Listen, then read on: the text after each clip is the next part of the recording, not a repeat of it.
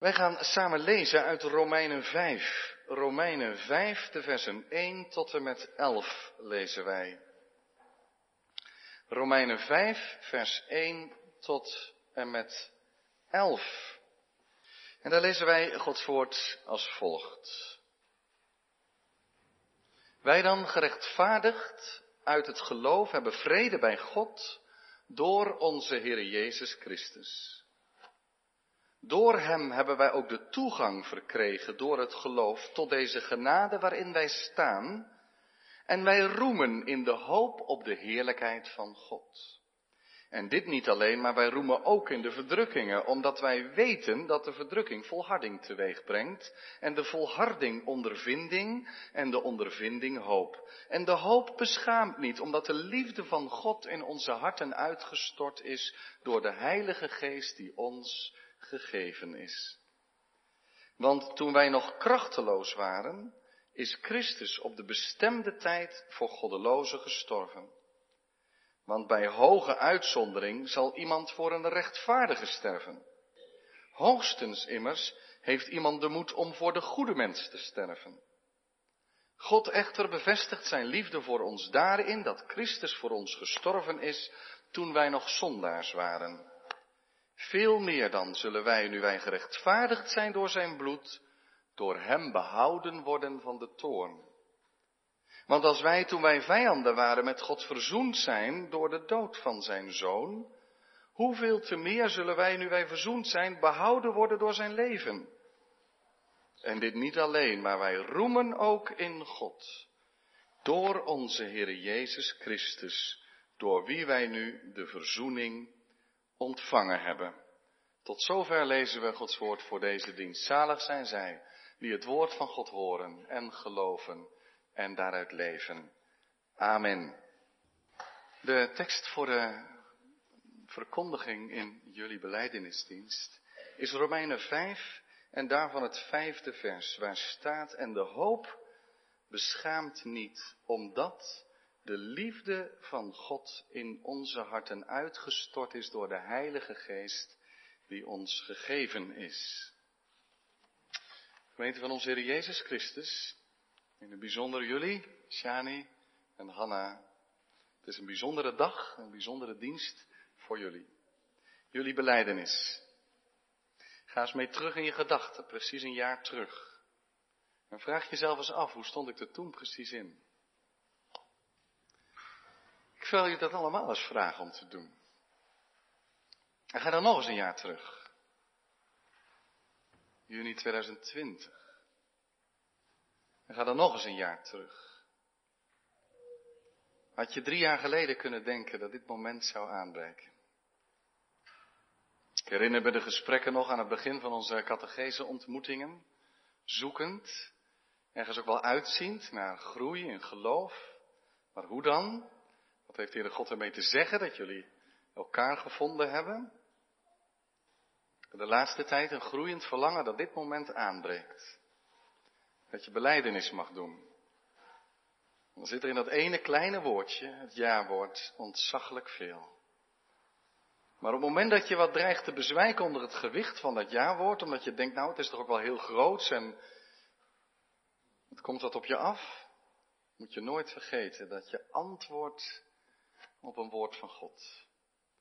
Je ja-woord staat nooit op zichzelf. Maar het is een antwoord op Gods belofte, op zijn woord, op zijn goedheid, op zijn liefde. Ik ben dankbaar voor dit moment. Ook in de gemeente, voor jullie. Maar ook voor de gemeente. Dankbaar dat de Heilige Geest werkt en dat we daar getuigen van mogen zijn op deze dag. Dat mogen we elke zondag wel, begrijp me goed, maar toch in het bijzonder. Misschien is dat mijn beleidenis voor deze dag. Ik geloof in de Heilige Geest. Die Heere is en levend maakt. Christus verzamelt zijn kerk door zijn geest en woord. Dankbaar ook omdat het goed is voor de gemeente. Om dit moment diep tot je door te laten dringen. En je eigen beleidenis te vernieuwen op deze dag. Dat mag je elke zondag wel doen, maar op zo'n dag als deze speciaal. Of dat je zegt, ik heb nog geen beleidenis gedaan. Maar waarom eigenlijk nog niet? Zou ik dat niet ook kunnen gaan doen? Waarom? Nou, niet omdat het hoort, maar omdat God goed is.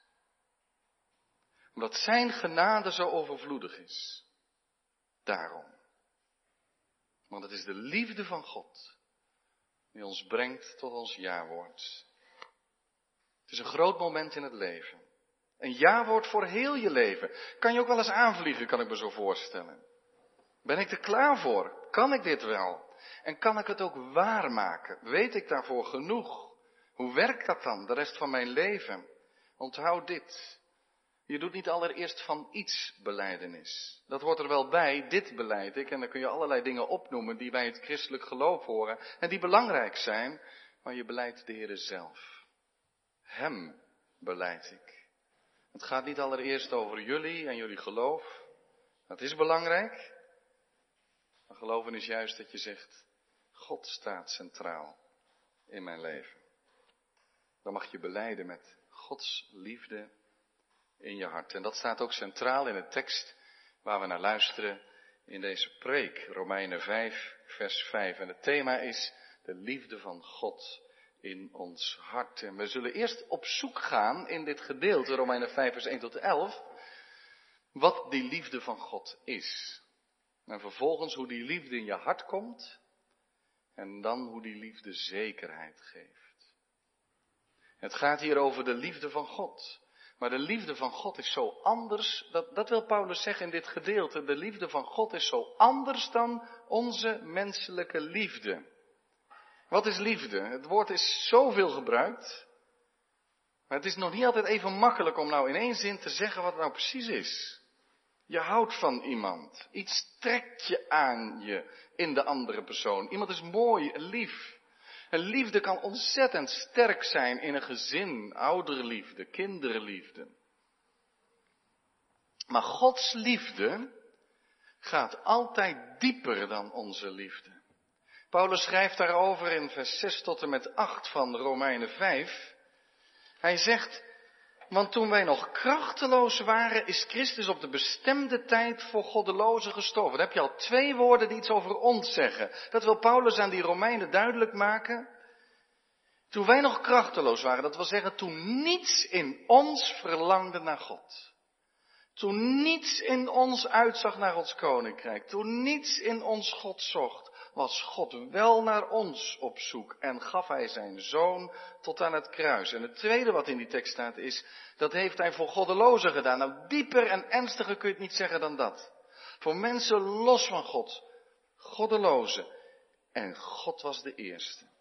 En dan staat er in vers 7, bij hoge uitzondering zal iemand zijn voor een rechtvaardige sterven. Menselijke liefde zegt, het is denkbaar. Dat er een moment komt dat je je leven voor een ander geeft. Kun je je voorstellen dat je er echt voor kiest? Dan moet je wel heel veel van die ander houden. En dan moet je zeggen, ik geef het meest ultieme offer. Ik geef mijn eigen leven weg voor jou. Nou, ik kan me dat moeilijk voorstellen. Maar je kunt het je voorstellen, misschien. Dat je voor een goed iemand of een vriend van je of een kind je leven geeft. Het is nogal wat. Kan, zegt Paulus, kan. Maar Gods liefde is anders. Gods liefde gaat verder. God gaf zijn zoon. Hij kwam zelf in Jezus Christus naar de wereld. Een wereld die met de rug naar God toestond. De Bijbel vertelt ons als het ware dat God als, als een vader is waarvan een zoon op een gegeven moment zegt ik wil niks meer met je te maken hebben. Ik ga weg. Jezus vertelt daar ook over in die gelijkenis van de verloren zoon. Geef me mijn geld, ik ga weg. De mens kiest voor zichzelf, loopt bij God vandaan. Misschien is, zou je kunnen zeggen, we hebben het wel eens over wat is nou zonde enzovoort. Je zou kunnen zeggen, in de Bijbel is zonde dat je God uit je leven bandt. Het gaat niet om de dingen die je doet natuurlijk ook, maar allereerst dat je los van God leeft. En dan lees je in de Bijbel enerzijds van de toorn van God. En dat gaat ook zo in de rest van Romeinen 5. Dat we verlost moeten worden van toorn en oordeel van God. Want God is heilig. En wij niet, verre van. Maar tegelijk is er in de Bijbel zoveel te vinden over de liefde van God, de diepe liefde van God. Als die vader die op de uitkijk staat, of dat die zoon terugkeert en die sluit hem in zijn armen. En dan komt het goed, al heeft hij schulden gemaakt en alles fout gedaan. Dan heeft hij de vader gekwetst. Toch staat hij op de uitkijk om hem in zijn armen te sluiten, zo gauw hij terugkomt. En wegens die diepe, diepe liefde van God voor deze wereld geeft hij zijn zoon. De Jezus Christus. Voor wie? Vers 6 voor goddelozen. Voor mensen die naar Hem niet vragen.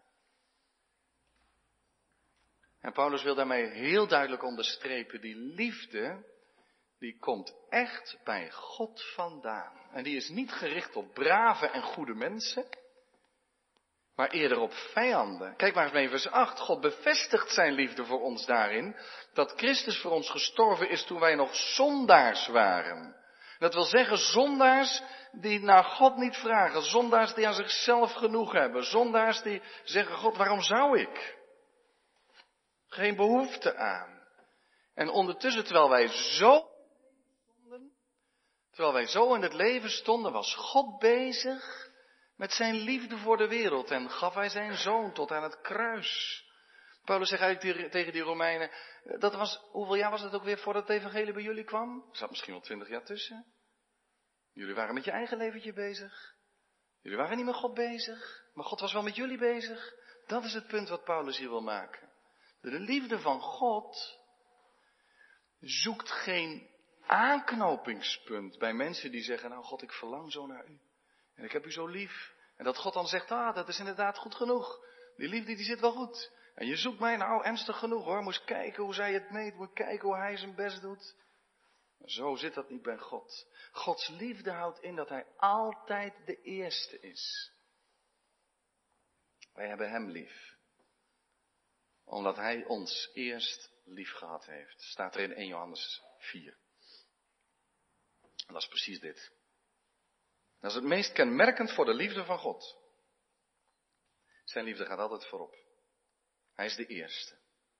En als God naar je leven toekomt, brengt Hij die liefde mee. Hij zegt niet eerst, heb je mij wel lief? God zet altijd de eerste stap. Hij schept liefde in ons hart. Hij zoekt die er niet, want dan vindt hij niets. Hij wekt de liefde. Dus dat werkt anders dan verliefd worden op elkaar. Je ziet iets in Shani, je denkt, tjoh, wat een leuke jongen. En andersom ziet Shani wat in Hanna, en dat is prachtig. Maar God zag ons en hij zag dat we tegen hem waren. En toch had hij de wereld lief. En dat is het wonderlijke van Gods liefde. Gods liefde is geen antwoord op dat wij God zoeken. Geen antwoord op onze liefde voor Hem. Maar onze liefde is een antwoord op Zijn liefde. Dat maakt dus dat Gods liefde onvoorwaardelijk is. Er moet wel een antwoord op komen. Dat is belangrijk. Dat we erbij instemmen. Dat we Gods liefde ontvangen. Dat we geloven in de Heer Jezus Christus. Dat is ongelooflijk belangrijk.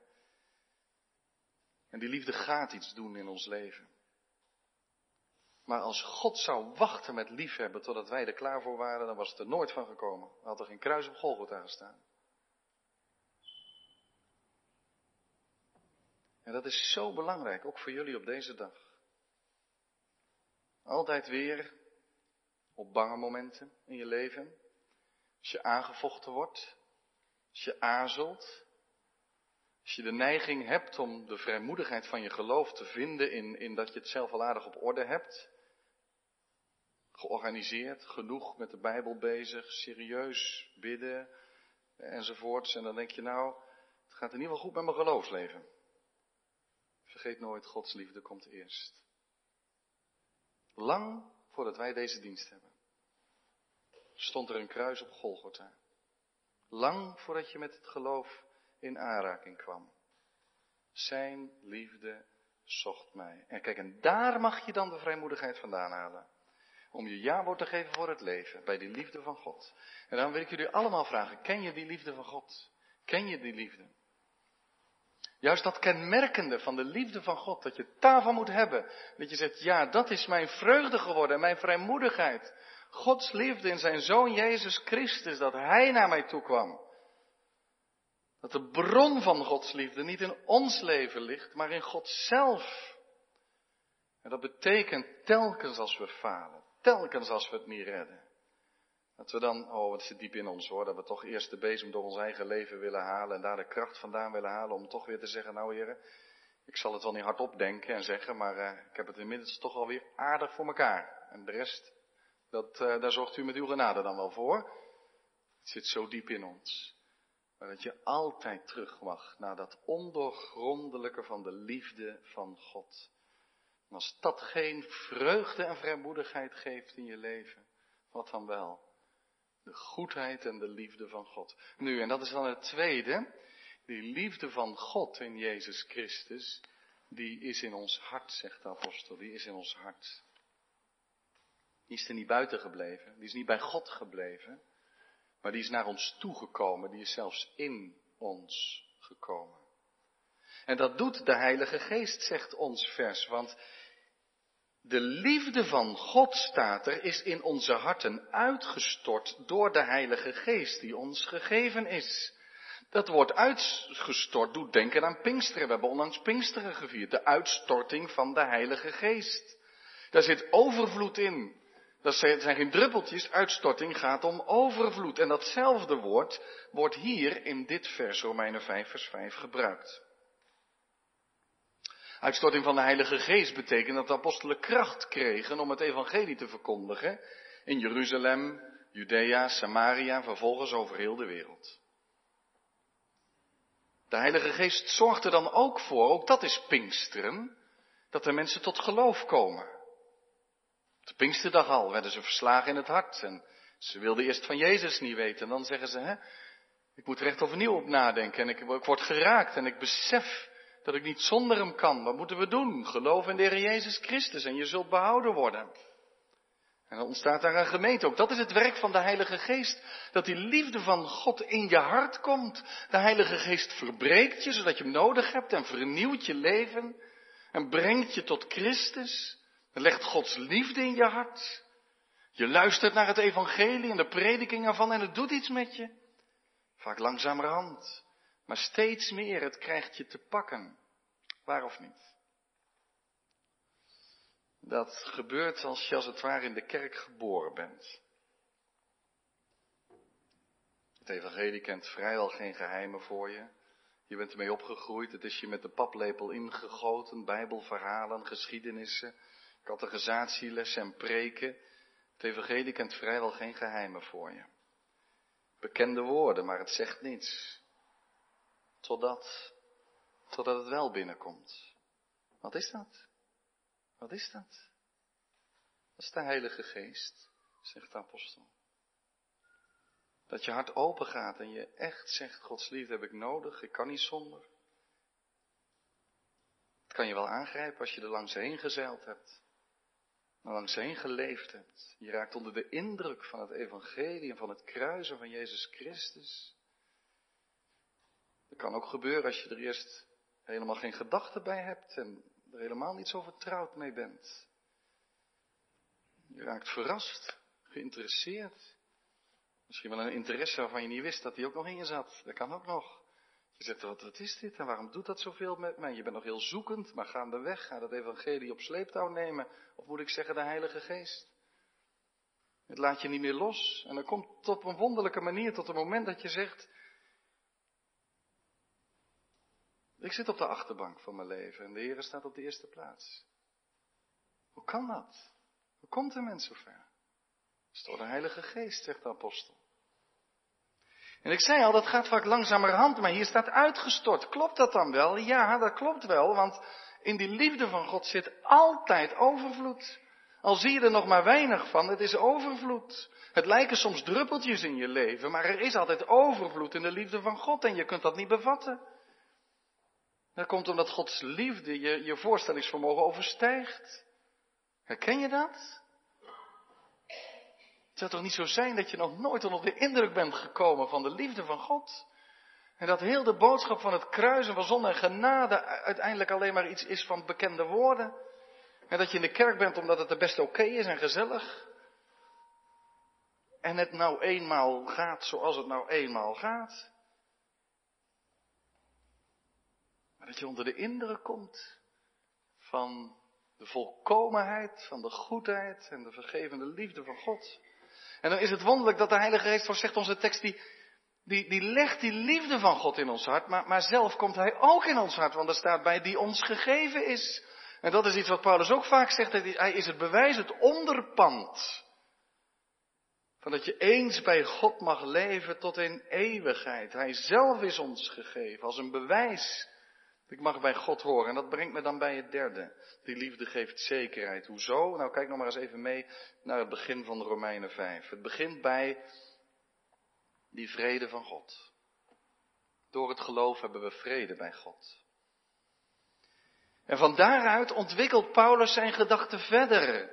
En zegt hij in vers 2, wij roemen in de hoop op de heerlijkheid van God. Met andere woorden, het is niet dat Gods liefde ons wat bemoedigt alleen, maar door die liefde van God, door de vrede met God, door het geloof in Jezus Christus, weten we zeker dat eens als de grote dag van Jezus aanbreekt, dat wij erbij mogen horen, dat wij in mogen gaan in die eeuwige vreugde. Kun je dat zeker weten dan? Ja, dat kan je zeker weten, want de hoop beschaamt niet, zijn de eerste woorden van deze tekst.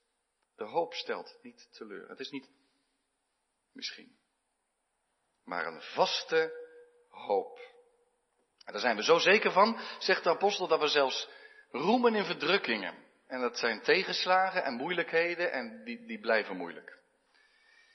Maar er is een andere kant aan, namelijk, want Paulus zegt, we mogen bij de Heer Jezus horen, we hebben Gods liefde in ons hart, door de Heilige Geest die in ons woont, en als er dan tegenslagen komt, weet je wat er dan ook gebeurt? Dan, wordt, dan ga je volharden. Gaat iets met je geloofsleven doen. Dan ga je geestelijke lessen leren, die je zonder beproeving niet leert. En dan wordt je geloof getest. Getest geloof, zo gaat hij spreken. Het lijkt wel een ketting waaraan hij parels rijgt. Wij roemen in de verdrukkingen, want de verdrukking brengt volharding teweeg. En de volharding ondervindingen, getest geloof, een beproefd geloof. En de ondervinding hoop, een stevige, sterke verwachting dat er eens een tijd aanbreekt dat de wereld vernieuwd wordt en Jezus Christus koning is over alles. En die hoop, dat is de zekerheid die beschaamt niet, omdat omdat, ja, hoe, hoezo weet je dat dan? Omdat de liefde van God in ons hart uitgestort is door de Heilige Geest die ons is gegeven. Die liefde van God die altijd voorop gaat, die is in je hart en je leven gekomen. En je ervaart, God heeft mij aangesproken met het evangelie van Christus. Dat heeft iets met mij gedaan, waardoor mijn leven nu anders is. De Heilige Geest heeft de liefde van God in mijn hart gelegd. En als je dan bedenkt dat in die tijd er heel wat discussie was over christenen uit de Joden en christenen uit de Grieken of de Heiden. En die waren dan samen in die gemeente van Rome. Maar er was altijd nog zoiets dat de mensen tegen die heidenchristenen zeiden, kunnen wel echt bij horen. Kunnen wel echt bij horen. Maar dan zegt Paulus, weet je hoe je dat nou zeker weet? Omdat de liefde van God in je hart is. De Heilige Geest woont in je. Dan weet je het zeker dat je bij de Here mag horen. En daarom geeft die liefde in je hart zekerheid. Zo mag je beleidnis doen. Met de liefde van God in je hart. Niet omdat je zegt, die liefde die overzie ik altijd zo goed. En die heb ik altijd zo prachtig in de gaten. Maar omdat God goed is en zijn liefde eerst komt. Maar als het ooit eens moeilijk wordt. En er komen verdrukkingen, volharding, ondervinding, hoop. Weet dan dat de hoop vast en de hoop zeker is. Zo mag je beleiden met vreugde en vrijmoedigheid. En ik wil jullie allemaal vragen hier in de kerk om mee te doen. Daar kun je niet te jong voor zijn. Of te oud. Misschien voor de zoveelste keer, misschien voor het eerst, om het mee te beleiden, om mee antwoord te geven op de vragen. Om je leven te leggen in Gods goede handen. Om de redding in Jezus Christus met beide handen aan te grijpen om Jezus te volgen. Alle dagen. Amen.